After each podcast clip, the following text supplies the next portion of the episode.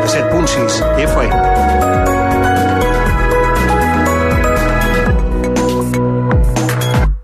Dins l'estadi, amb Eduard Pino.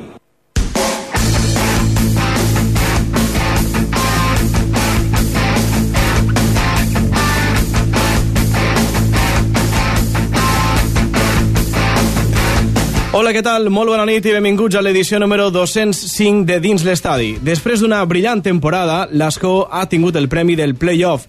I dic premi perquè és la recompensa a la regularitat de la Lliga, però un cop estàs allà no pots renunciar al que podria ser, sens dubte, un ascens històric a la categoria de bronze del futbol espanyol. Paroles majors. Ahir les jugades a pilota aturada van castigar els campions esconencs. També és cert que van estar precipitats, probablement per la cita tan important d'ahir però tot està obert, tot és possible.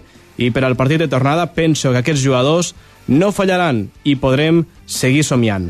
A part del playoff de l'Escó, aquesta jornada també han passat més coses. Genís Pena, què tal? Molt bona nit. Bona nit, Edu. Pues sí, com dius, l'Escó encaixa un mal resultat en la primera ronda de playoff, 2-2 contra el Jumilla, i tot per decidir a la tornada. A la segona catalana, el Gandesa goleja còmodament a l'Alcanar, firmant un dels millors partits a domicili de la temporada. A tercera catalana, el Flix trenca la seva ratxa de victòries en el pitjor moment i el somni de l'ascens és difícil però no impossible. El Ginestau té molt bé per salvar-se després de la victòria d'avui i el Pinell s'haurà d'encomanar el miracle. A més, no us perdeu els futbolistes amics al món, la firma i el poliesportiu de la jornada. Tot aquest contingut, Edu, ampliat a continuació.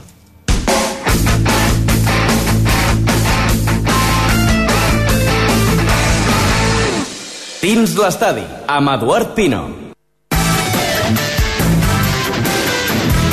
Bé, doncs són ara mateix les 12 i 37 minuts, rigorós directe, estan escoltant Ràdio Mora d'Ebre, la cadena SER, benvinguts al programa 205 de Dins d'Estadi, amb un servidor i amb Genís Pena aquí al costat. Genís, què tal? Molt bones de nou. Bé, Edu, aquí estem, sessió Bé, a- golfa avui, no? Hora golfa, hora golfa a la ràdio. Una a los Rebel, tallant aquí, aquí no havíem de tallar, vull dir, molt, molt bé, no? Clar, clar que sí. És que ja fèiem tard, ja fèiem tard. La nostra audiència li havíem avisat que començàvem a partir de les 12, després de la programació especial de les eleccions municipals que havia preparat aquesta emissora, Ràdio Mora d'Ebre. Nosaltres hi tornem a ser altre cop. Avui un programa una mica més reduït de l'habitual, eh? No tenim invitat, òbviament són aquestes hores ja massa avançades. És la primera vegada que, que dins estadi fa un programa d'aquestes hores. La veritat és que és força tard. Eh, avui farem la una i algo. Suposo que ho saps, Genís. Demà no tens de matina, no? No hi ha problema. Cap problema. Bé, eh, abans de començar, disculpes, disculpes per la setmana passada, que no va haver dins l'estadi. Eh, jo no estava per aquí, ja ho sabeu que estava de vacances, estava fora, no estava ni a Espanya, i bé, al final, doncs, eh, suposo que entre que el Barça va guanyar la Lliga i jijijaja, i d'allà i d'allí, pues al final no, tu, estaves tu aquí per no vau fer programa. Estirada d'orelles, eh? Estirada d'orelles. Eh, perdoneu als nostres oients que la setmana passada no van poder estar a la cita per primera vegada en 6 anys, així que disculpes, òbviament, d'un servidor. Eh, dit això, hem de començar amb el programa d'aquesta setmana i hem de començar, òbviament, parlant de l'Escó. Un Escó que, sens dubte, està fent història, continua fent història, després de guanyar la Lliga de la tercera divisió, però és que, déu nhi el que ha aconseguit no, no ha de passar desapercebut. S'ha de quedar amb la ment de tots els amants del futbol i de l'esport de casa nostra. No cada dia un poble de la Ribera d'Ebre disputa un playoff d'ascens a segona B. Segona B, futbol pràcticament professional, categoria de bronze del futbol espanyol. Són paraules majors. No és pecat a minut el que està aconseguint l'Escó aquesta temporada. Un Escó que encara té opcions, òbviament, de pujar de categoria. Després us repassem com va anar després de l'empat a dos d'ahir a casa contra el Jumilla. Abans, però, eh, no sé si vas estar present al partit de- d'ahir, Genís. No, no vaig poder perquè, perquè jugava jo també, però bueno... És veritat, jugàveu a la Sènia. A la Sènia. Mm, Us vau quedar a sopar per allí i tot, no, després? mm, jo no, però... Tu no, vale. Sí. Tu ets especial. eh, tenies concert, no? També, tenia concert Tenies concert. a a Flix, i que... Ui, ahir a Flix, d'ahir la nit. Eh, sí, sí, els ànims una mica Flix. decaiguts, no? Sí, sí, van, van arribar tots una mica decaiguts, però bueno, es van, a, es van arribar a animar ràpid perquè són conscients del que han fet, no era gens, no era gens fàcil, però clar, ahir hagués estat la, la cirereta del, del pastís. Bé, doncs l'Escó la setmana passada va acabar la Lliga, a la tercera divisió, i aquest cap de setmana ja, sense descans pel mig, ja han començat els play-offs d'ascens. Després repassarem com han acabat tot plegat. Així que comencem parlant de l'Escó. Futbol Club Escó. Bé, doncs, com dèiem, Escó 2, Jumilla 2. L'Escó aconsegueix empatar després que el Jumilla el castigués en dues accions a pilota aturada. Però els gols d'Ivan Cristino de penal i d'Izaguirre, de cap, donen vida a l'equip que haurà de guanyar, això sí, si vol assolir l'ascens a segona B. El partit li va costar agafar el ritme, però de seguida l'Escó va posar una marxa més al joc i va posar en dificultats al Jumilla. Tot i la intensitat de l'escó, el conjunt murcià també es va treure la pressió inicial i es va estirar més les línies d'atac. Va ser el minut 18 quan els visitants van mostrar la seva targeta de presentació amb un llançament de falta al travesser executat per Guardiola. Tornava a avisar aquest cop amb menys perill el mateix Guardiola al minut 25 amb una nova falta a la frontal que sortia per molt poc per damunt del travesser, defensat per Sergi Fuertes. Tocava molt bé l'escó en zona de mitjos, però patia en excés de pilota aturada. A més a més, l'equip també se notava superat pel moment i amb molta precipitació al davant. Els de Miguel Rubio van tenir dues bones accions de perill. Al minut 29, un xut d'Izaguirre que acabava a córner i la més clara, al 37, quan Taranilla, sol, davant del porter, no va saber definir bé i va ser incapaç de superar a Rojo, que va refusar pilota amb els peus. I ja en el tram final del primer temps, doncs arribaria el primer gol del partit gràcies a una falta lateral. No sortia del tot bé Fuertes i Múrcia, de cap i lliure de marca, avançava el conjunt blanc i blau en el marcador. Ja al descompte, l'Escó va fregar l'empat en un remat d'Izaguirre que se n'anava fregant el pal. Per tant, al descans, victòria per al Jumilla, però no va poder començar millor el segon temps per als homes de Miguel Rubio. Sobre el minut 50, Rojo, el porter, arribava tard a una pilota dividida a Izaguirre i cometia un clar penal sobre el davanter basc que transformava un gol Ivan Cristino des dels 11 metres, no es posava nerviós i feia el gol de l'empat. Tot feia preveure la millora del conjunt esconent quan al 59, novament a pilota aturada, el Jumilla es tornava a avançar amb un remat de cap de Múrcia al primer pal després d'un córner, que suposava, sens dubte, un autèntic gerro d'aigua freda per als 800 espectadors aproximadament que ahir eren al municipal d'Ascó. No es va rendir l'Ascó, que va tenir més ocasions per a empatar com una rematada de Zaguirre que anava al lateral de la xarxa. No va defallar el conjunt esconenc i el seu esforç va ser primet al minut 78, amb una centrada des de la banda esquerra d'Albert Virgili, que rematava el primer pal Eizaguirre per anotar el gol de l'empat a dos. L'Escó va tenir el tercer gol en els últims minuts de partit. Argilaga, després d'una combinació dins l'àrea gran, rematava la pilota al cos de Rojo, que salvava de forma providencial al seu equip. Tan sols un minut després, Eizaguirre, Eizaguirre rematava el segon pal un córner i estavellava la pilota al travesser. Amb tot, l'Escó, en busca del tercer gol, també cal dir que el Jumilla va poder fer el tercer en un contracop, però Sergi Fuertes va evitar els majors. Al final, empat a dos en el partit d'anada d'aquesta eliminatòria del playoff d'ascens. El tècnic de l'Escó, Miguel Rubio, creu que no s'ha respectat suficient al Jumilla i que els murcians els han sorprès. Així ho declarava en la roda de premsa posterior al partit. Yo creo que, que yo, entre todos, ¿eh? no hemos respetado lo suficiente al Jumilla y nos ha costado caro a todos. ¿eh? Pensábamos que el grupo catalán es el más fuerte o de los más fuertes y tal. No, la realidad es que eh, en todas partes hay buenos equipos y los partidos hay que disputarlos eh, al máximo de tus posibilidades. Nosotros nos hemos encontrado siempre remolque en el marcador. ¿Eh? No, nos, no hemos podido nunca ir por encima en el marcador y bueno, se me queda un sabor agridulce, ¿no? Eh, me hubiera gustado ganar, pero bueno, hemos empatado y tenemos nuestras opciones en el partido de, de vuelta, pero vamos a tener que pelear muchísimo, muchísimo, muchísimo porque jugamos contra un gran rival. Després del partit també va parlar el capità José Ramón, que lamentava els gols a pilota aturada, però remarcava que treballaran dur la setmana per a poder fer front al partit de tornada i tenia opcions d'aconseguir l'ascens. A veure, estem motivats perquè allí queda un altre partit, però ha sigut llàstima que de dues jugades d'estratègia emocionant el partit. És un resultat que en, te en teoria els afavoreix a ells, però anirem allí a donar-ho tot i a intentar sortir en l'eliminatòria. Sí. Sabíem que era un, un equip que a la contra ens podia fer mal en jugades d'estratègia i llàstima de dues jugades d'estratègia que no s'ha... Bueno, nos han marcat els dos gols que sabíem que podia passar. Ja et dic, nosaltres anirem allí a intentar guanyar el partit i, i a tope. Amb tot, l'eliminatòria es decidirà el proper diumenge a partir de les 7 de la tarda a Jumilla, a Múrcia. El premi, un bitllet per a la segona divisió B. Per cert, cal recordar que el club ha posat autocar a disposició dels socis, aficionats i també a tots aquells que vulguin anar a veure el partit a Múrcia el proper diumenge. El preu és de 30 euros, inclou el viatge amb autocar i també l'entrada per al partit. A més a més, el club també ha posat a la venda la samarreta commemorativa d'aquest play-off que precisament ja van lluir eh, els mateixos jugadors en el partit d'ahir. No jugar amb la samarreta habitual l'Escó, sinó que ho fa amb una samarreta commemorativa d'aquest playoff històric contra el Comilla. Així que si la voleu, també la podeu aconseguir i animar l'equip si us voleu desplaçar a Múrcia el proper diumenge, si no teniu res a fer, eh? Això sí, ja us aviso, són moltes hores d'autocar, eh? Jo vaig Però val la pena. a Múrcia i són horetes, són horetes. Val la pena. Per cert, la propera setmana eh, el partit és a les 7, acabarà sobre les 9, per tant els agafarem de viatge, el que farem serà connexió via telefònica la propera setmana, que a més a més serà l'últim programa de la temporada dins l'estadi i connectarem directament amb, amb alguna persona que hagi viatjat a Escó per a que ens pugui explicar una mica com, Esperem que els agafem com va el partit de tornada. Tant de bo, eh? Tant de bo. Bé, a part d'aquest partit, aquest partit de l'Escó, eh, partit d'anada del playoff d'ascens a segona divisió B, recordin que aquesta és l'eliminatòria dels campions, eh? És entre els campions de cadascun dels grups que hi ha a Espanya, doncs Escó i Jumilla, que també va ser campió del seu grup, doncs són els que s'enfronten. Això què vol dir? Que si l'Escó eh, la propera setmana guanya al camp del Jumilla, aconseguiria l'ascens directe a segona B. En cas d'empat a 0 o a 1 gol, seria el Jumilla qui es classificaria i que, per tant, aconseguiria l'ascens. En cas d'empat a 2 hi hauria pròrroga i en cas d'empat de més de dos gols, és a dir, empat a 3 o més, seria l'Escó que aconseguiria el bitllet cap a segona B. Per tant, toca guanyar, sí o sí.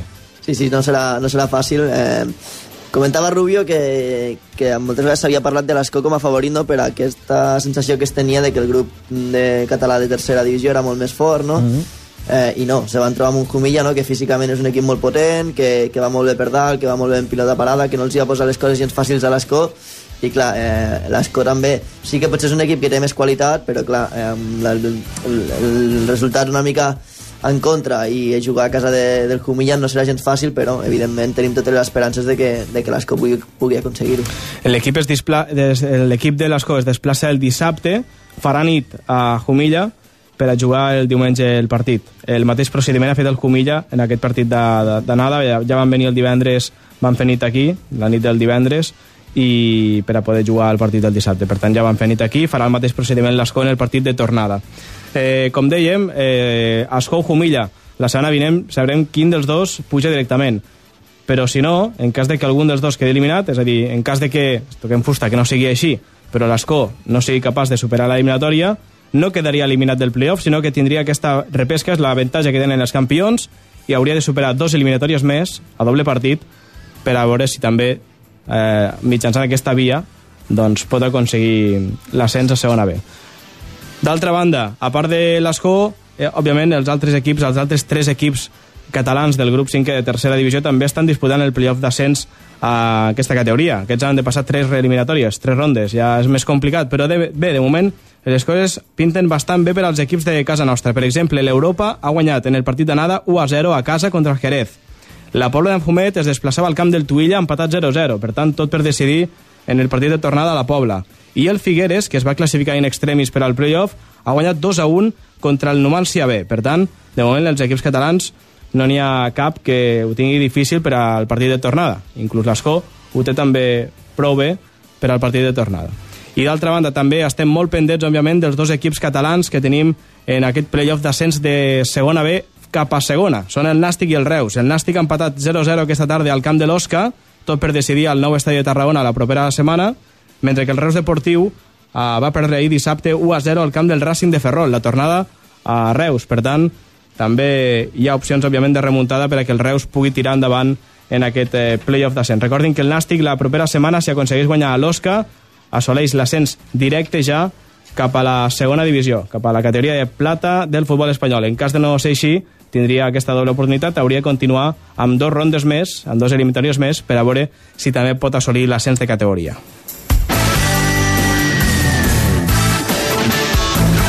Bé, dit això, de seguida anem ja amb el futbol territorial, perquè també hem tingut jornada, penúltima jornada d'aquest campionat de Lliga.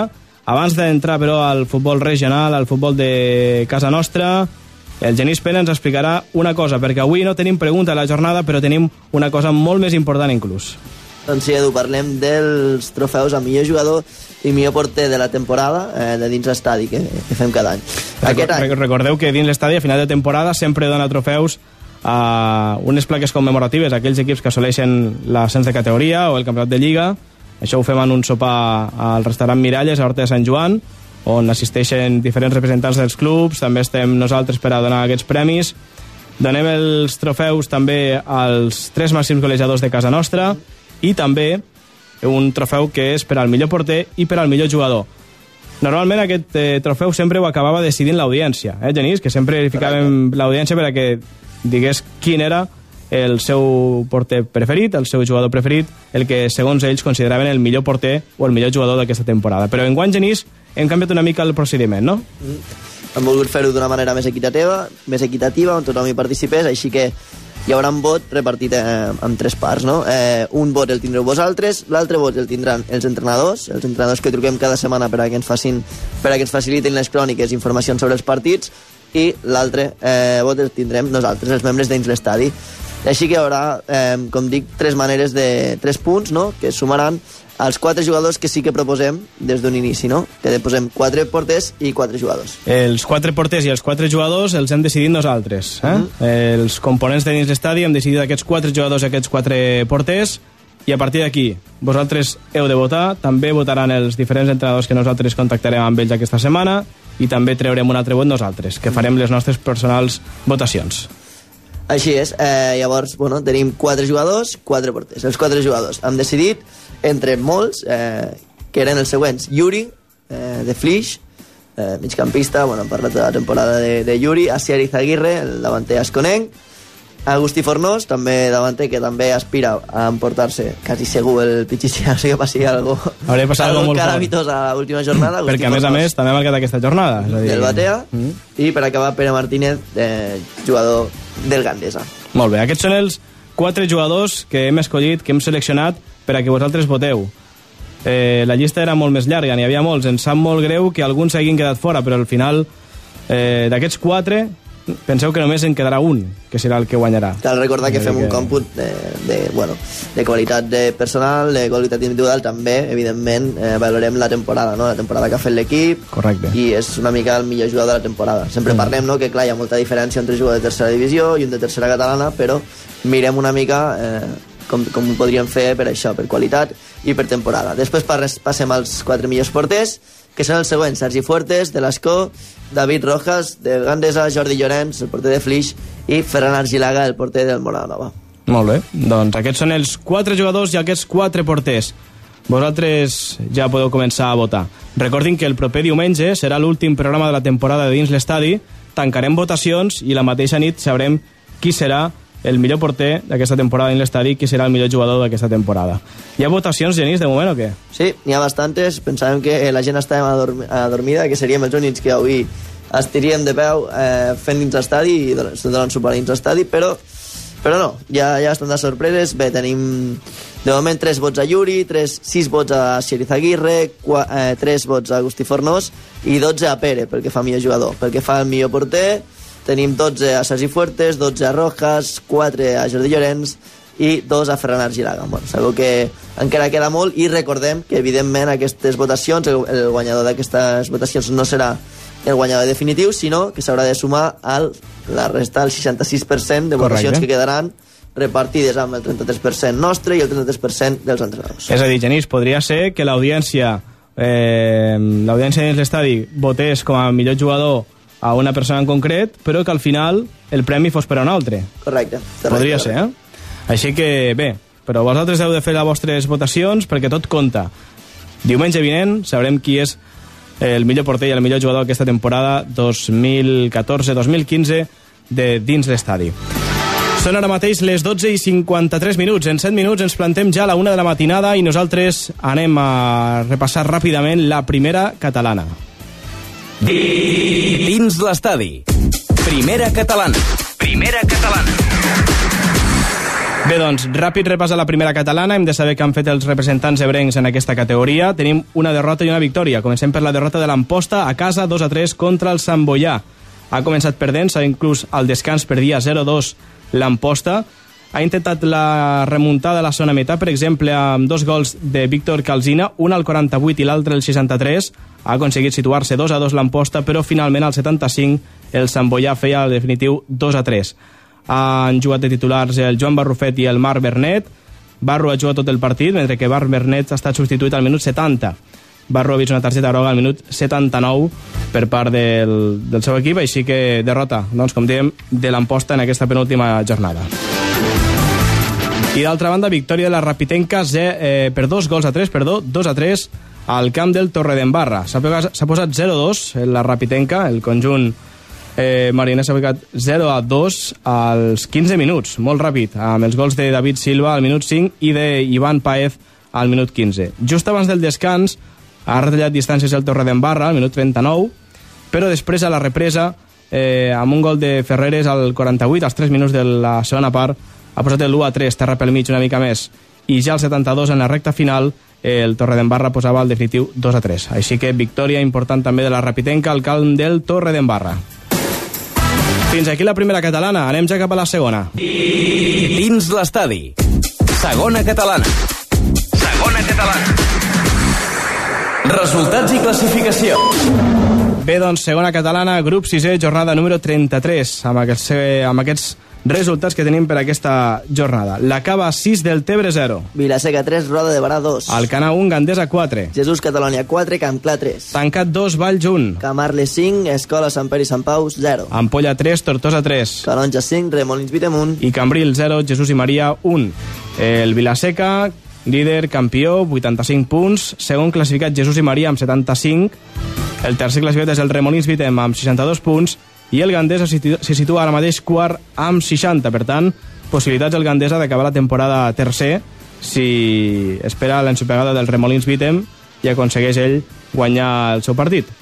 Tenim el Tortosa setè amb 50 punts i pel que fa a la part baixa, en zona de descens directe, del Tebre 24, Sant Pere i Sant Pau 20 i Campclam 15 i descens compensat per al tancat que té 29 punts.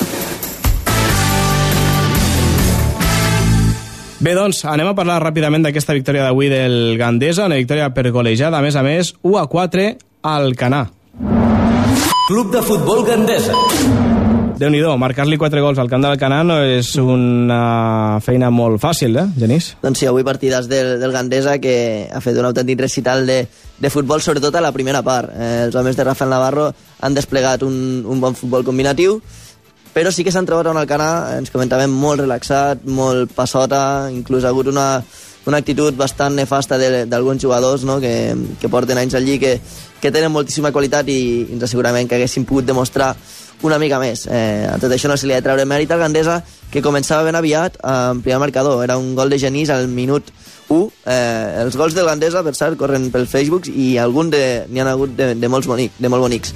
Eh, al minut 5, dèiem, s'adelantava Genís Navarro, al minut 9 era Dilla, qui ja posava el 0-2, i el partit se li encarava molt bé al Gandesa. Eh, com dèiem, el Gandesa dominant el partit, l'Alcanar no s'ha provat en cap moment a la porteria de Rojas, i ja podríem dir que al 36 Pol feia el 0-3 pràcticament sentenciant el partit, definint molt bé amb, amb la dreta dins l'àrea. Eh, el 0-4 arribava al minut 40, culminant una grandíssima primera part, obra de Frede, un molt bon gol de Frede de fora l'àrea, Gran I, Fede. Sí, i al final, bueno, eh, amb aquest 0-4 s'arribava a la primera part.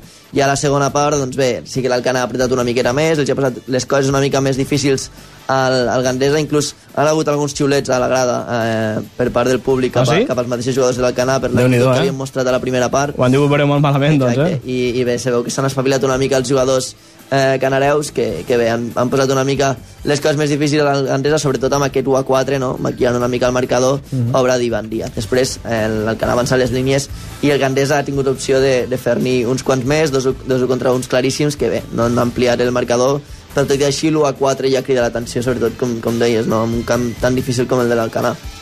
Bé, la propera setmana, últim partit de Lliga del Gandesa, eh? un Gandesa que acabarà la temporada a casa i que sens dubte serà eh, la 10 a una temporada força, força bona del Gandesa, eh, Genís? Doncs sí, la veritat és que una altra vegada ens han de treure el barret davant de- d'una temporada del Gandesa que ha tornat a demostrar que és un dels equips bueno, eh, pilars claus no, d'aquesta segona catalana. Mm. No els fan fora d'aquí ni a patades ni molt menys perquè damunt sempre queden no? eh, les últimes temporades sempre més amunt de... A, a, a, sempre estan a la pomada, no? No, no aconsegueixen mai tindre aquesta opció que els arribi amb tres jornades faltant a, falta de tres jornades amb opcions d'ascens però sí que admirable aquesta posició Champions que sempre acaba aconseguint el, el Gandesa Sí, la veritat és que la setmana vinent acaba la Lliga al grup 6 de la segona catalana, com també a la resta del futbol de casa nostra, excepte els equips que continuen jugant Copa Catalunya o Playoff d'ascens. Però bé, el Gandés acaba la propera jornada a casa contra el Vilaseca. Recordin que la propera jornada és jornada unificada, tots juguen a la mateixa hora i al mateix dia, per tant això és emocionant. És el Digui, típic... Que bé, a més, amb aquesta segona catalana tot està decidit. El parti- el bueno, és- per baix està... jornada de transistors, eh, com se li acostuma a dir. I el Gandés, això sí, haurà d'estar molt pendent del que passa al partit Remolins Vitem Ampolla, perquè depenent del que passi en aquell partit, el Gandesa, si fa els deures i guanya el seu duel contra el Vilaseca, podria acabar la Lliga tercer, que bé, no quedes per a disputar el playoff, però bé, acabar la Lliga tercer classificat no està gens malament, eh? No, no, evidentment, és el que deia. També el Gandesa en cap moment s'ha plantejat, no? En, cap moment jo crec que han dit des d'un primer moment, eh, anem a pujar, anem a intentar assolir mm. ascens. No, no era un objectiu que se'ns hagués comunicat com a mínim a nosaltres, així que millor impossible, no? Si no tens un objectiu claríssim de, de pujar i quedes en tercera posició, jo crec que la temporada és de 10. Molt bé, recordeu que seguiu encara, eh, seguim, volíem dir, atents al que vosaltres digueu a través del Facebook, perquè podeu votar quin és el millor jugador, quin és el millor porter d'aquesta temporada, eh, Genís? Parlant de, del Gandesa, eh, si més no tenim a David Rojas, que ja seria el tercer any consecutiu que s'emporta el trofeu de Sí. millor porter, una altra vegada demostrant amb una gran temporada que és un dels millors porters de les nostres terres, i incloem també el, el defensa Pere Martínez, no? provinent de, de l'Escó, que ha fet una magnífica temporada. S'ha adaptat molt bé al, al, joc de, al joc del Gandesa, al joc de toc, és, un- és un tio que té una esquerra d'or amb un desplaçament espectacular, no? I, i ha fet una gran temporada eh, per Gandesa. Bé, nosaltres anem a la publicitat, tornem de seguida, així que no s'ho perdin, estan escoltant Dins Estadi. Ràdio Mora d'Ebre, 87.6 FM. Cadena Ser Catalunya. La seguretat i garantia d'instal·ladors professionals. Això és el que li oferim a Climartí. Aire condicionat amb bomba de calor, domèstic i industrial. També fem venda i reparacions de maquinària i hostaleria professional. Frigorífics, càmeres, cafeteres. Fins i tot maquinària i complements per les indústries càrniques i alimentàries en general. Climartí. Més informació al 629 42 72 07 o bé pel mail a info arroba climartí.com. El plaer d'una cervesa. El plaer de Ginesart, la cervesa artesana de Ginestar. Ginesart elabora i comercialitza cervesa artesanal, tipus ale i també de blat. Cerveses afruitades i suaus. Cerveses que evoquen un altre temps amb els seus sabors purs. Sabors d'abans. Ginesart.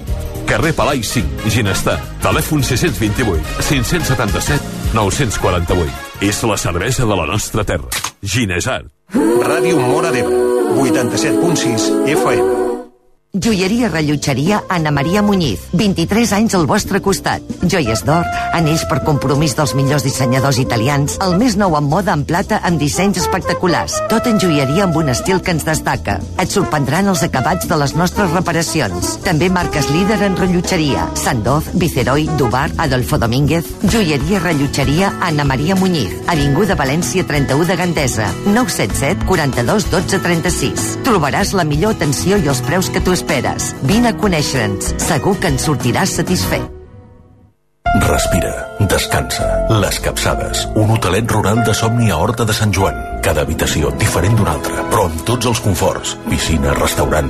Informació i reserves al 977 43 55 55. Visita hotellescapçades.com. Les Capçades, hotelet rural. Un plaer que has de viure. Ràdio Mora d'Ebre, 87.6 FM. Cadena Ser Catalunya. Dins l'estadi, amb Eduard Pino.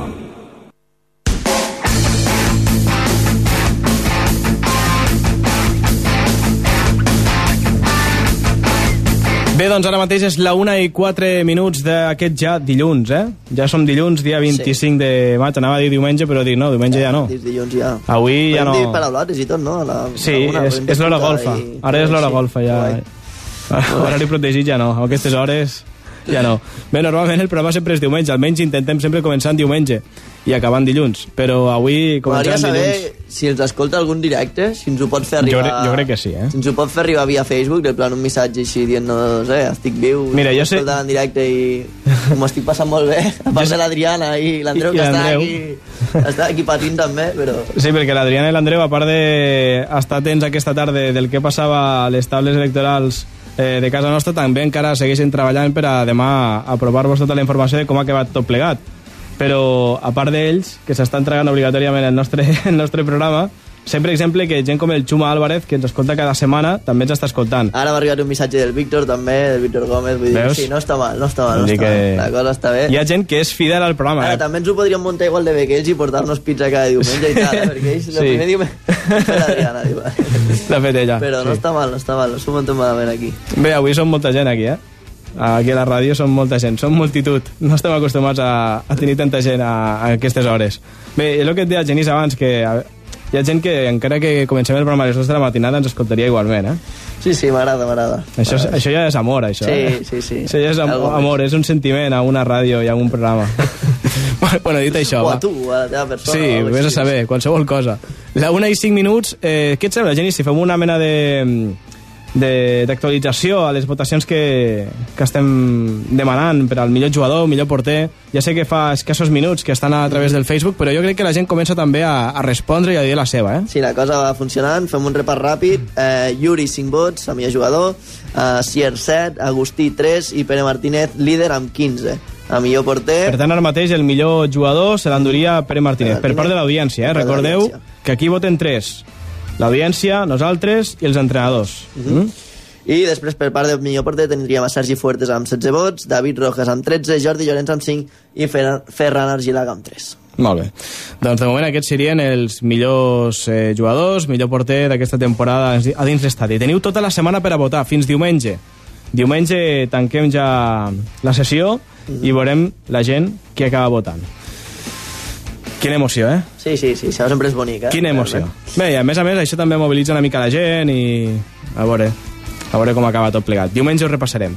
Bé, mentrestant nosaltres anem ja cap a la tercera catalana. Una tercera catalana que també es presenta molt, però que molt emocionant en la última jornada de Lliga que arriba la propera setmana. Molt emocionant. Per què? Doncs ara us ho expliquem. Dins l'estadi. Tercera catalana. Tercera catalana. Resultats i classificació.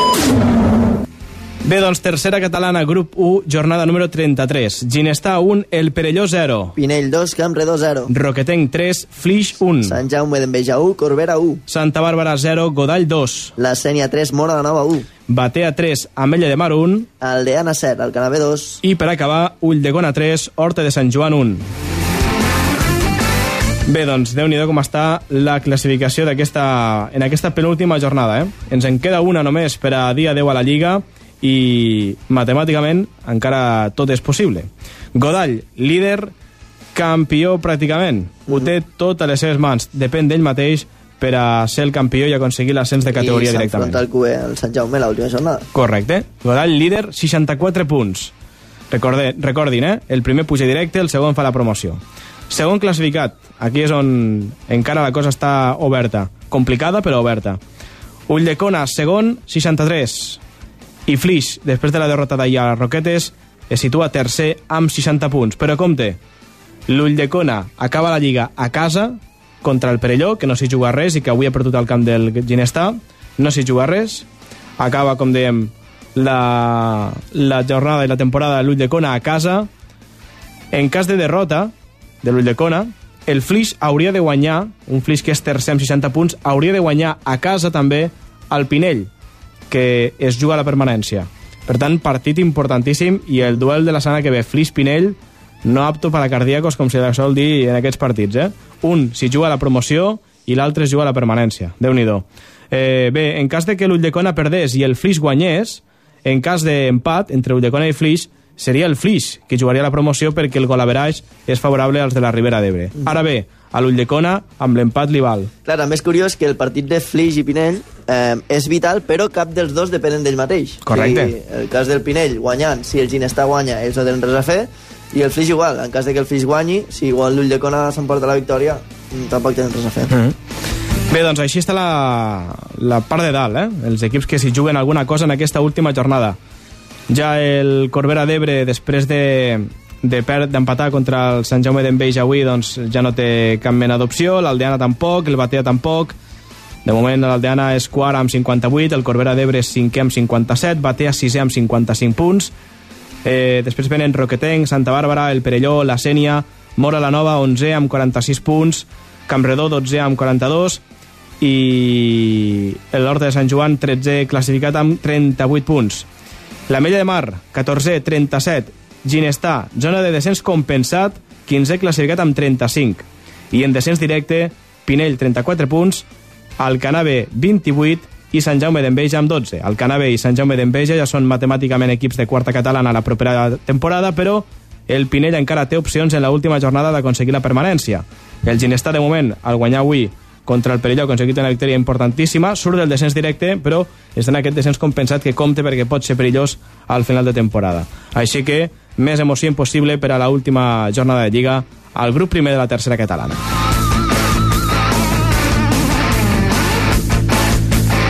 Bé, doncs anem a repassar com han anat aquests partits, anem a fer un cop d'ull a veure què ha passat a cadascun d'aquests partits de la penúltima jornada de Lliga, així que comencem parlant, per exemple, del partit del Mora Nova que jugava ahir al camp de la Sènia. Atlètics de Mora la Nova. Bé, doncs, hi hem de parlar d'una derrota, Genís. Sí, eh, era un dels partits amb menys interès de, de la jornada perquè ni la Sènia ni nosaltres ens jugàvem res. Eh, nosaltres vam anar amb moltíssimes baixes al, al partit, només amb 11, amb 10 jugadors i, i dos porters i ens una sèrie que, que semblava un exèrcit també, dir, allí a casa tots, tots ben preparats i amb ganes de, de jugar el partit, nosaltres evidentment també. I la veritat és que ens va anar bé, molt bé durant els primers 45 minuts. Eh, al minut 12 eh, l'Edu eh, feia un molt bon remat de cap després d'una bona centrada de, de Narcís i ens posàvem 0 el marcador. O sigui, nosaltres ens tancàvem una mica més a, a darrere, esperant a que la Sènia proposés el seu joc, que, que fa un, desplega un molt bon futbol al, al seu camp, però nosaltres molt ben tancats al darrere, pràcticament poques ocasions, dos bones mans de, de Ricard, que, que va treure la primera part, i poca cosa més. Nosaltres no vam crear tampoc molt, molt més perill, però sí que estem molt sòlids i molt bé al darrere. Eh, després de la segona part les coses van canviar una mica, ells van apretar una mica més i Pau Muñoz eh, al 55 feia, feia l'1 a 1 ens empatava, aconseguien trencar la nostra sòlida defensa i ens feien, ens feien l'1 a partir d'aquí, doncs bé, eh, físicament ja vam baixar més, ja no vam estar tan, tan atents a, a les cobertures com a la primera part, i bé, al minut 75 arribava el gol de, de Ramon Ibáñez pràcticament per, per desgast, la Sènia movia molt la pilota, nosaltres ja no arribàvem a, a tapar no? i al 75 feien el 2 a 1 i finalment al, al minut 80 eh, tancàvem amb, amb el 3 a 1 va jugar inclús Ferran Argiraga de porter, no? Correcte. Ai, de, Eh, de, jugador. Ferran Argiraga era el, porter, era el porter suplent i únic canvi Sí. i me va substituir a mi que em vaig, em vaig fer mal, així que Epa, va sortir, va sortir t'has fet molt mal? Què tens? Què tens? No, se'm va, bueno, em va agafar una punxada aquí darrere, no vaig, vaig aguantar tota la primera part mig coix i al final de la segona, al, principi de la segona part ja no podia ni, ni córrer. Per cert, ja que parlem de Mora Nova, novetats a Mora Nova, eh? Mhm, ja, ja novetats en comença- quant al futbol, eh? Em vull referir Comença a sortir coses verdes d'aquell camp ja. Coses verdes? Comencen a sortir o comencen a posar-se? Comença a posar-se, comença a posar-se. Sí, és que si no, si no malament. Gespa artificial, aquesta mateixa setmana eh, han començat les obres de gespa de la implantació de la gespa artificial a Mora Nova, així que, en principi, la propera temporada podreu podreu ja començar la gespa artificial. Eh? En principi estava previst que en 3 mesos, aproximadament, la cosa acabi, és a dir, que, que veurem, veurem què, què tal aquesta obra de cara a la propera temporada, també com influeix en la plantilla, en l'equip, en el futbol base, no només en el bonic que pugui fer, òbviament, Mm. sinó que l'objectiu és que també eh, influeixi de manera molt positiva amb, la, amb el club. el rebrem amb moltes ganes per, a, per això que has dit, no ja només pel, pel primer equip, sinó pel futbol base i per el que ens pot donar una gespa artificial a un camp tan bonic com és ja per mi eh, el de Mora Nova, no? que, que sí que unes dimensions molt, molt grans i, i jo crec que, que es veurà una gran temporada la que ve segur a Mora Nova. Sí, sí, amb gespa artificial, que tindrem després de molts anys, ja que ja tocava també, no? Sí, sí, sí, jo crec que... Una de les reivindicacions dels històriques. Pobles, no, que ja, ja, ja cantava, no? que allí hi hagués un camp de terra. Tot jo li tinc molt carinyo al camp de terra, no? perquè al cap del temps ja, ja li agafes carinyo, però clar, per jugar al futbol, vulguis o no, la gespa no té, no té rival. Propera jornada i última, el Mora Nova juga a casa contra el Santa Bàrbara, perdó, casa no, eh, Benissanet. juga a Benissanet, eh? que ja vau jugar contra el Batea, us va portar I va sort. molt bé. Mm. Eh, a part, molta gent, moltes gràcies a la gent mm. de Missanet també que va vindre a animar, no? El, el poble molt volcat també en el nostre partit, així que va ser, va ser molt guai. La setmana passada ja va jugar el Mora Nova al camp del Benissanet, ho tornarà a fer el proper cap de setmana contra el Santa Bàrbara per a dia 10 a la Lliga. Bon partit també per acabar, sí, no? Sí, sí, és un bon partit també amb, contra un rival que també ja no s'hi juga res, però bueno, serà, serà un bon Mhm. partit, segur. Seguim amb més partits. Club de Futbol Batea. Bé, doncs hem de parlar del Batea, un Batea que ha aconseguit la victòria aquesta tarda per 3 gols a 1 contra la Mella de Mar. Ha començat perdent el conjunt de Joan Vallès en un partit molt, molt igualat, molt disputat. Ha començat perdent, com dèiem, a causa d'una petita indecisió defensiva del conjunt de la Terra Alta. S'ha avançat la Mella de Mar amb el gol de Samuel Figueres al minut 17, però ràpidament l'Agustí Fornós, el pitxitxi de la Lliga, amb 21, eh, al minut 21, volíem dir, de cap, feia el gol de l'empat. A més a més, eh, amb aquest 1 a 1 s'arribava al descans i ja la represa en la part final ha arribat més moviment. Jordi Vilanova, al minut 79, ficava el 2 a 1 per al Batea, que aconseguia la remuntada a falta de 10 minuts, i ja al temps de descompte, Agustí Fornós feia el seu segon gol i el definitiu 3 a 1 per al conjunt de la Terra Alta, el Batea, un Batea que la propera jornada acaba a la Lliga al camp de l'Alcanà, un Alcanà B que, recordin, ja és equip matemàticament de quarta catalana la propera temporada. I veurem què passa en aquest partit que, a més a més, atenció, servirà d'adeu a Joan Vallès, que ja ha fet oficial que deixa el Batea després de dirigir-lo durant força temps. Així que eh, molts ànims al Joan Vallès, que deixa Esperem el futbol Club Batea. Mm. Bé, eh, necessita descansar una mica, eh? Pel que ens ha comentat, necessita una mica descansar, creu que s'ha acabat el cicle al, al Batea i veurem què passa. Demà parlarem amb ell una mica Doncs a veure que, què que li vagi molt bé, la veritat és que molt, molt gran, molt gran el Joan. Bé, al final 3 a 1 per al Batea, que al principi el partit ha començat un pèl igualat, després però eh, a poc a poc el Batea es feia amb el domini, així que al final ha estat una victòria merescuda eh, del Batea, tot i que ha hagut de remuntar un gol inicial de la Mella de Mar. I ens anem cap a un dels equips que estarà fins a emoció, amb amb emoció fins al final en l'última jornada de Lliga. Estem parlant del Pinell. Club de Futbol Pinell. Doncs Pinell 2, Camredó 0. Si el Pinell volia mantenir opcions per a assegurar a salvar la categoria, eh, havia de guanyar avui, havia de fer els deures avui contra el Campredó i ho ha fet. Pinell 2, Campredó 0, amb un bon partit dels de Morales. El Pinell sabia el que havia de fer per, a, per a aconseguir els 3 punts i així ha sigut. Tot i així el Campredó, un equip que no s'hi jugava res, no li ha posat les coses gens fàcils, han sigut durs durant la primera part i han aconseguit aguantar les ofensives del, de l'equip de la Terra Alta. Eh, S'ha de dir que a la segona part els del Pinell ja ho han posat tot, ho han posat tot per aconseguir la victòria i ha sigut al minut 54 quan Ismail feia l'1 a 0 i donava esperances al Pinell. Eh, bueno, l'1 a 0 ha servit per a, per a que el Pinell s'agafés al partit, consolidés el seu domini, el Camp Redó no ha posat moltes dificultats a la segona part i finalment als últims minuts, als darrers instants del partit, sentenciava Yelti fent el 2 a 0 eh, al minut 89. Bé, aquesta victòria, eh, com dèiem, deixa el Pinell amb una posició evidentment millor que si hagués empatat o perdut, però eh, tot i així el Pinell no les té totes, ni molt menys per aconseguir salvar la categoria. Repassem un moment les, les opcions que, per les que passa el Pinell. El Pinell hauria de guanyar sí o sí al camp del Flix i esperar eh, un empat o una derrota del Ginestà. Un Ginestar que acaba la Lliga a Campredó, eh? que també... déu nhi Sí, sí, no serà fàcil, el Campredó al, al seu camp no li posarà les coses gens fàcils segur. Mm -hmm. Campredó és un molt bon equip allí, s'ha fet molt fort durant aquesta segona volta. Té la permanència assegurada al Campredó, però... Per ser assegurada, Mm. segur, és, és 12, eh, es passi el que passi. Però bueno, eh, jo estic convençut que no es deixaran guanyar ni molt menys i el Pinell eh, i el Ginestà s'haurà de currar també per, a, Mm. per aconseguir la permanència. Bé, doncs precisament anem a- parlar ara del, del Ginestar. Club Esportiu Ginestar.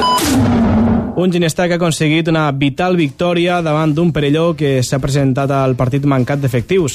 Eh, el Ginestar sabia de la importància dels 3 punts i ha jugat amb una motivació extra que l'ha permès gaudir de molt bones ocasions i de domini durant els primers 45 minuts. Tot i això, els d'Àngel Guiu no han estat molt fins de cara a gol, sumat, a més a més, a les bones intervencions de Marc Andreu Sotapals. De cara a la segona meitat, l'entrada de Cristian Carranza per part del Perelló ha donat un alt aire al conjunt del Baix Camp, del Baix Ebre, voleu, perdó, eh, que s'ha aproximat amb força perill a l'àrea local. Magí i Moedano han estat molt actius i han buscat amb insistència el gol. Però al final el Ginestar, ben ordenat al darrere, ha sabut aprofitar l'última ocasió del partit al minut 86 al trencar un perfecte contracop que definiria en gol Martí Gisbert per a fer esclatar l'alegria als groguets, que amb la victòria surten del descens directe i se situen en zona de descens compensat.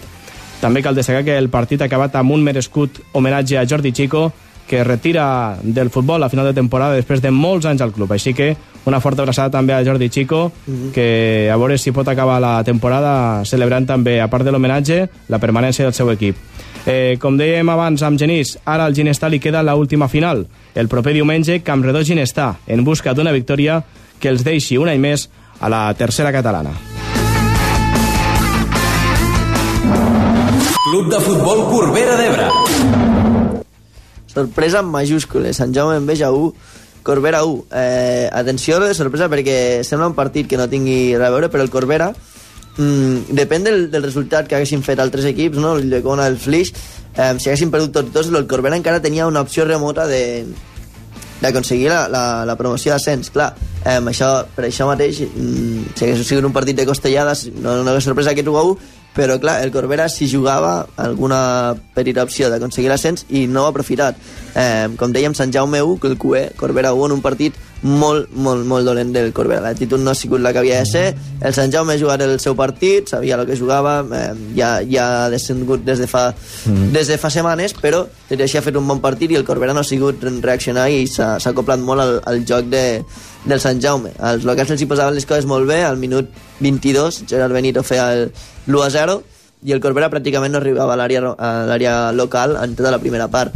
Sí que la segona part tenia una mica més de perill, però el Sant Jaume seguia còmodo al, al darrere, aguantant els de la Terra Alta, que pràcticament no s'apropaven a, a la porteria de, del Sant Jaume. Finalment, en una mitja ocasió, amb, era Cornejo que al final l'agafava no? i salvava els mobles i feia aquest 1 1 que encara maquia una mica el marcador, però que evidentment no serveix de res perquè ara sí que el Corbera mm. ja amb aquest empat mm, no pot aconseguir aquesta segona plaça que ja era pràcticament utòpica. Mm. Tot i així, mm, també valorar espectacularment la temporada del Corbera, que ha fet una segona volta molt, molt bona i s'ha aconseguit, bueno, estar en aquesta meritòria cinquena plaça. Sí, perquè en cas d'aconseguir una victòria que els deixés a, a prop, també depenent del que fes de llavors l'Ulldecona, possible empat amb el Flix, bé, mm, era, bueno, ara ja queda, ja queda enrere, ja és aigua passada, no? però sí que és cert que és estrany, no? També amb l'actitud que ha sortit el Corbera d'Ebre a Sant Jaume d'Enveja, sabent que encara tenia, encara que era remota, però... Sense anar més lluny, que tenia opcions. la... Bueno, sabent que el Flix va perdre, estiria a la mateixa posició que el Flix. El Corbera ah. té 57 punts, el Flix és tercer i el Corbera seguia tercer amb opcions a aquest lluny de bona. Bé, doncs, eh, dit això, eh, hem de continuar parlant de més equips i hem de parlar precisament del Flix, que ahir a la tarda va perdre al camp del Roquetenc. Joventut Esportiva Flix. Bé, doncs, Roquetenc 3, Flix 1. Partit, segons ens va comentar eh, el mateix entrenador, José Antonio Rius, d'aquells de... Mm, estranys, dels 11 partits consecutius que portava el Flix guanyant, molt probablement el partit d'ahir va ser el partit amb més ocasions, amb més pilotes al pal, amb, mel, amb més pilotes al travesser, inclús amb un gol anul·lat. La intensitat molt sospitosa per part de, del Roquetenc, que ens han comentat des de Flix, que, que, va, que va desenvolupar durant el partit. Partit molt estrany, que al final eh, no els va ajudar per a poder puntuar i, i continuar posant pressió en aquesta segona posició. Així que derrota del Flix, que va veure com al minut, 30, perdó, al minut 23 eh, Marc Alegre feia l'1-0 per al Roquetenc, que a més a més amb aquell marcador s'anava al descans i que a la represa, al minut 50, als 5 minuts de la segona part, Cristian Díaz per al Roquetenc feia el 2-0. Retallava distàncies Jaume Esteve, ficant el Flix dins del partit al minut 53, però al temps de descompte, Cristian Díaz feia el 3-1 definitiu per al Roquetenc en un Flix que ho va donar tot en els últims minuts, buscant a la desesperada un possible empat. Al final no va poder ser, van tenir moltes ocasions els jugadors del Flix i el rècord s'ha quedat amb 11 victòries consecutives. La dotzena no va poder arribar i va ser derrota ahir important al camp del Roquetenc. La pilota no voler entrar per part del Flix, que d'aquesta manera trenca aquesta gran ratxa que portava i ja no depèn d'ell mateix per a disputar el playoff d'ascens que tan a prop estava des de Flix se sorprenia molt de, de l'actitud del Roquetenc, no? Mm. Està clar que, que tampoc ni, ni valorem una cosa ni l'altra, no? Evidentment no, no hauria estat just que el Roquetenc eh, hagués presentat una actitud com, per exemple, la que criticava Rafael Navarro sobre l'Alcanar, mm. però sí que tampoc calia no? aquesta agressivitat en què van jugar molts jugadors de, del Roquetenc que hi ha part la permissivitat també de l'àrbitre, no? També ens cometen de certs penals que, que no es van xiular favorables a l'equip de la Ribera d'Ebre. Hi ha hagut un gol anul·lat, va haver un gol anul·lat al Flix, molt dubtós, però bé, l'àrbitre òbviament no, no va donar-lo com a bo. També és veritat que va haver-hi fins a 9 targetes grogues per al Roquetenc, a més a més d'una expulsió, una targeta groga per al Flix només, vull dir que quan ja veus 9 targetes grogues per a l'equip, eh, és que han anat amb intensitat i a guanyar el partit, òbviament, eh, aquí cadascú que tregui les seves pròpies conclusions. No som nosaltres ningú per a dir eh, res al, al respecte, no? Damunt un Flix que, que va tornar a tirar d'afició, no? Que van fer Mm, vau tocar ara, un bus cap a, cap a Roquetes. No sé si l'Andreu Prunera hi va anar, no sé si està per aquí encara. No sé si, no sé si va anar, no. Ens comenta l'Andreu que no, que no hi va poder anar. Eh, però bé, una llàstima. Estava a Escó, és veritat, l'Andreu estava a Escó, que me'l vaig trobar, me vaig trobar allí al, al partit de playoff. Bé, doncs, dit això, el Flix, que ho donarà tot la propera jornada, a casa, al camp de terra, que ja és de terra, eh? Flix... Fa estrany eh, també veure que camp de terra, la veritat. Flix Pinell, última jornada de temporada, el Flix que buscarà col·locar-se en zona de playoff, o més ben dit de promoció, i el Pinell que buscarà aconseguir la permanència. Així que tindrem un partidàs excepcional la propera setmana a la Ventonella.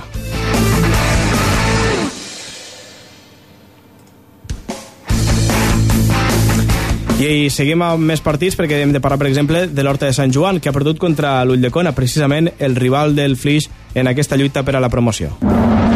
Club Esportiu Horta de Sant Joan. Doncs sí, Ulldecona 3, eh, Horta de Sant Joan 1. L'Horta de Sant Joan es plantava a Ulldecona amb els deures fets i, evidentment, l'Ulldecona necessitava els 3 punts, eh, aprofitant l'ensopegada del Flix.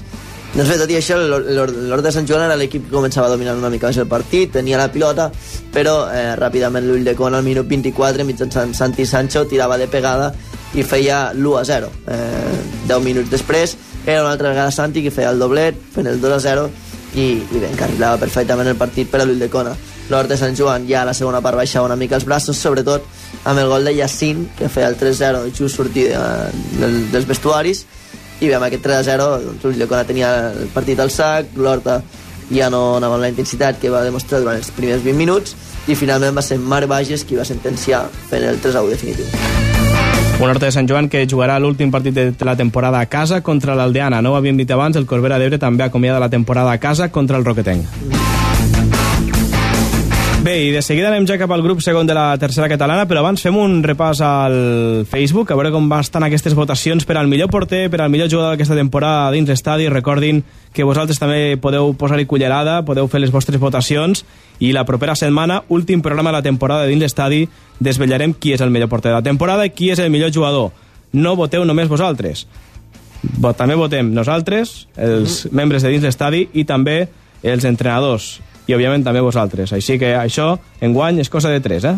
Correcte, i de moment vosaltres heu parlat, heu començat a parlar, i tenim els següents resultats. Yuri en porta 7, Izaguirre en porta 10, Agustí Fornós 3 i Pere 17. Això Per pel que tant, fa... 17. De moment Pere, eh? Pere és el millor Pere, el líder, de, pel que fa millor jugador, i ja hem arribat a la vintena pel que fa a millor porter. Tenim 23 vots per Sergi Fuertes, 14 Secat Rojas, 6 Llorenç i Ferran en porta 4. Per tant, Sergi Fuertes. Fuertes, millor porter, i Pere Martínez, millor jugador. De moment, eh? però que teniu tota la setmana per anar fent votacions, podeu compartir el que vulgueu la publicació, però també encara no ho hem dit, que evidentment qualsevol comentari que poseu a part de, dels, que, dels quatre que hi ha no valdrà ni serà vàlid. Serà borrat, de De l'única manera que teniu és de votar és posar m'agrada, és una norma molt dictatorial, però és el que hi ha. És lo que hay, és lo que hay.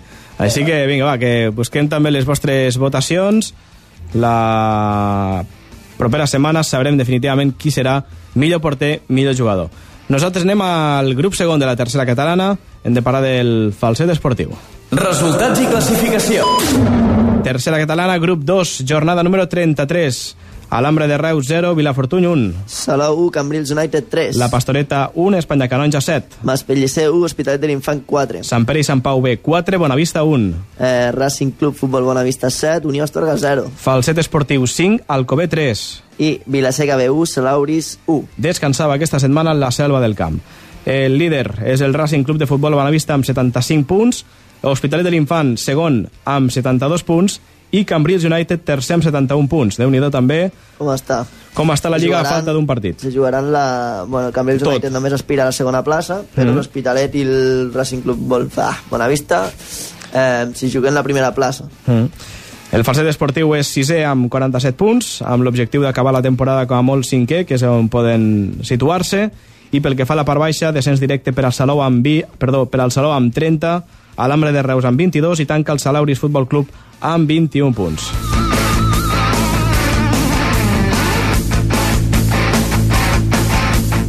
Bé, doncs, i aquesta victòria del Falset Esportiu per 5 gols a 3 davant de l'Alcobé ens l'explica el Francesc Granell. Cisco, què tal? Molt bona nit. Hola, Edu. Molt bona nit. Falset 5, Alcobé 3. El Falset en la línia de les últimes jornades, però aquesta vegada sense deixar-se sorprendre, encara que tot semblava que sí, ja que els d'Alberto veien com els igualaven un 2 a 0 després de que Moja i Aleix avancessin els del Priorat amb un clar 2 a 0.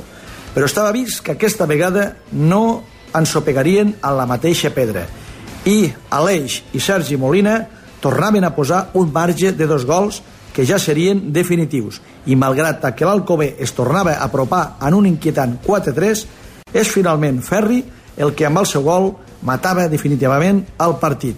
Això sí, un partit espectacular d'uns i d'altres. Ara, als del Priorat els hi manca la darrera jornada al camp de la Selva del Camp. Gràcies, Cisco. No marxis molt lluny, que de seguida ens has de firmar al final del programa. A la firma de la jornada que, com sempre, hi posa el Francesc Granell. Serà d'aquí uns minuts, d'aquí poc, perquè la quarta catalana, recordin que ja s'ha acabat, i l'únic que hem de parlar de la quarta catalana és del Vilalba. Sí, sí, del Vilalba. Futbol Club Vilalba. I ja estem a la quarta catalana, hem de parlar només del Vilalba perquè com a campió del grup 20 de la quarta catalana eh, està amb el dret de disputar aquesta Copa Catalunya Amateur. Recordin que la, aquesta temporada passada va ser ja la primera on s'han dividit els, la Copa Catalunya en dues parts, la Copa Catalunya professional, eh, amb, amb els equips grans de Catalunya, i la Copa Catalunya Amateur amb la resta dels equips de territorial i regional. No? Doncs bé, el Vilalba, com a campió del grup 20, eh, ha disputat ja aquesta primera ronda de la Copa Catalunya i l'ha aconseguit a passar. El seu partit el va disputar ahir dissabte al camp de la Martinenca, l'equip de Sant Martí de Sarroca, això és a Barcelona.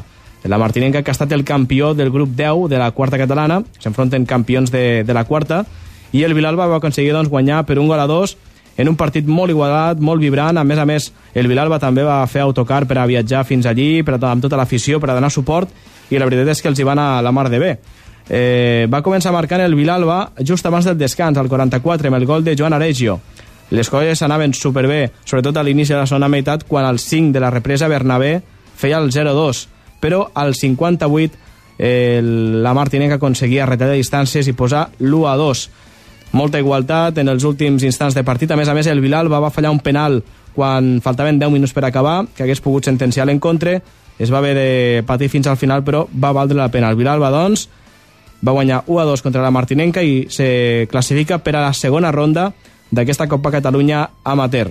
Així que veurem la propera setmana. Demà es fa el sorteig, veurem contra qui se desvora el proper cap de setmana i també en parlarem la propera, el proper programa aquí a dins d'estadi. Un premi més pel Vilalba, també, amb la, la gran temporada. Sí, una Copa Catalunya que bé, és, és com una mena de premi, no? Disputar aquestes rondes contra altres equips que no tens la possibilitat d'enfrontar-t'hi altres vegades i qui sap si sona la flauta. Veurem la propera setmana si, si continua o no. Uh -huh. Si va continuar la cosa se'ls hi pot allargar, també és veritat, eh? Sí, sí. No tenen vacances. No tindran vacances.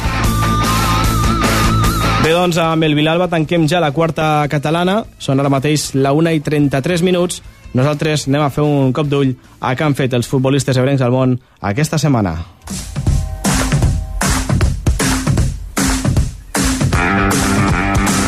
Avui serà ràpid perquè la majoria d'ells ja estan de vacances. Àngel Rangel, Bruno Saltó i Gerard Badia ja han acabat amb els seus respectius equips, així que estan de vacances. El qui encara no ha acabat és, per exemple, l'Stuttgart, Alemanya, que a més a més eh, no ha acabat fins avui, eh? avui ha acabat. Aquest cap de setmana ha acabat la Bundesliga, la Lliga Alemana, amb victòria importantíssima. Paderborn 1, Stuttgart 2. Victòria important de l'Stuttgart que li serveix per aconseguir la permanència un any més a la Bundesliga. Oriol Romeu, jugador d'Ulldecona, ha estat tot el partit a la banqueta i no ha pogut disputar cap minut en aquest últim encontre de la Lliga. Anem cap a l'Elx, que ha empatat 0-0 al camp del Llevant, empat sense gols entre dos equips que ja no s'hi jugaven res.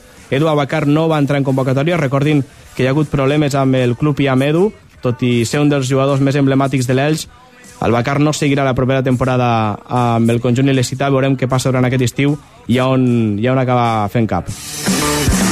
I avui, per acabar, tenim novetat, perquè ahir a Sant Mamés es va disputar l'Atlètic Club 4 Villarreal 0, i amb el Villarreal va debutar un jove de 17 anys que es diu Aleix Garcia i és una de les joves promeses de la cantera de Grogueta, de la cantera de Villarreal. Doncs bé, Aleix és d'ull de cona, així que tant de bo sigui també un dels futbolistes ebrencs que arribin properament a l'elit. De moment, ja ha debutat a la primera divisió espanyola amb el Villarreal, que ja són paroles majors, així que moltíssima sort també per a Aleix.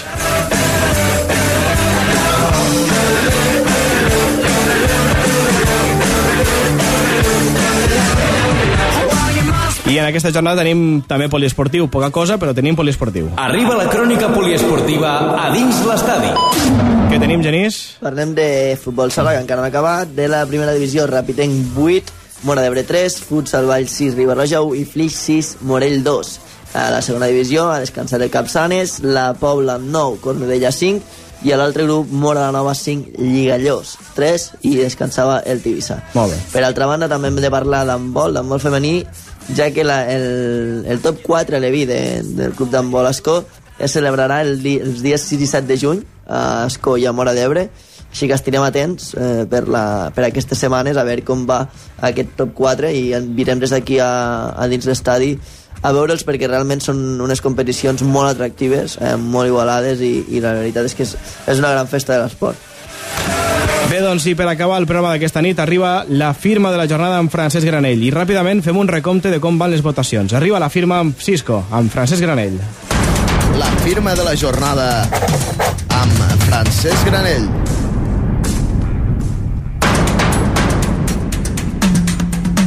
Senyores i senyors, jo no sé si el Flix farà la promoció o no. Després del que s'ha vist aquesta jornada amb el Moixorrós, Roquetenc 3, Flix 1. 11 amonestacions i una expulsió dels locals que no s'hi jugaven res, o poder sí que s'hi jugaven molt. Troncant així una ratxa impressionant dels riberencs. 12 victòries consecutives, perdent així l'ascens directe i qui sap si també la promoció, ja que l'ull de Cona li pren la plaça i a la darrera jornada difícilment fallaran. Però passi el que passi, el que està clar és que el que ha fet el Flix és per traure's el barret i felicitar La firma de la jornada amb Francesc Granell.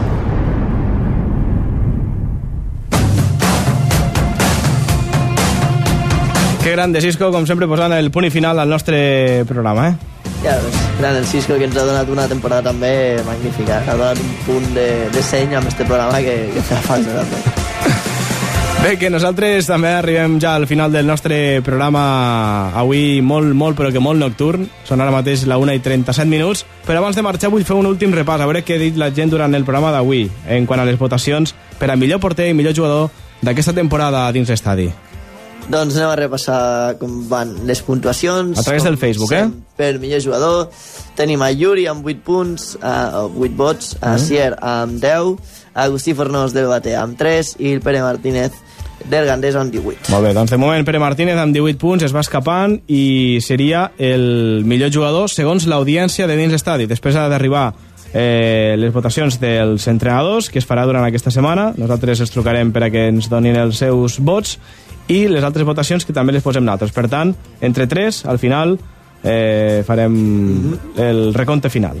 I després també tenim les votacions a millor porter, que tenim Sergi Fuertes amb 23 vots, David Rojas amb 14, Jordi Llorenç amb 7 i Ferran Argilaga del Moranova amb 4. Sergi Fuertes, eh, del Futbol Club Escó seria ara mateix qui aconseguiria aquest premi com a millor porter, eh? el, millor, el porter de l'Escó que estan dins d'aquest playoff d'ascens cap a segona B.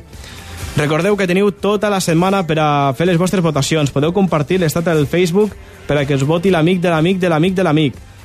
Qualsevol persona pot No hi ha votar. problema, això és carta blanca. Carta blanca, però recordeu que la vostra opinió, els vostres vots també comptaran per al recompte final, així que ja ho sabeu, a votar durant aquesta setmana que el proper diumenge, dia 31, en últim programa de la temporada dins l'estadi, sabrem qui és el millor porter de la temporada dins l'estadi i el millor jugador.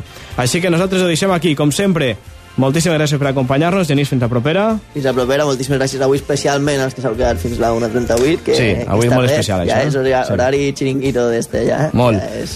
Sí, eh, Genís, ens tornem el, el, a veure el proper diumenge i per a tots vosaltres, gràcies per escoltar-nos un diumenge més, perdoneu per la setmana passada i pels que avui, com deia Genís, us heu quedat fins al final, encara més de gràcies de us hem de donar. Ah, i salutacions cordials a les diferents emissores que ens escolten també en diferit al nostre programa. Així que gràcies a tots, a tots ells. Tornem diumenge que ve, això sí, a partir de les 10, horari habitual, horari normal, aquí a dins l'estadi. Gràcies i que vagi bé. Adéu-siau, bona setmana. Adéu.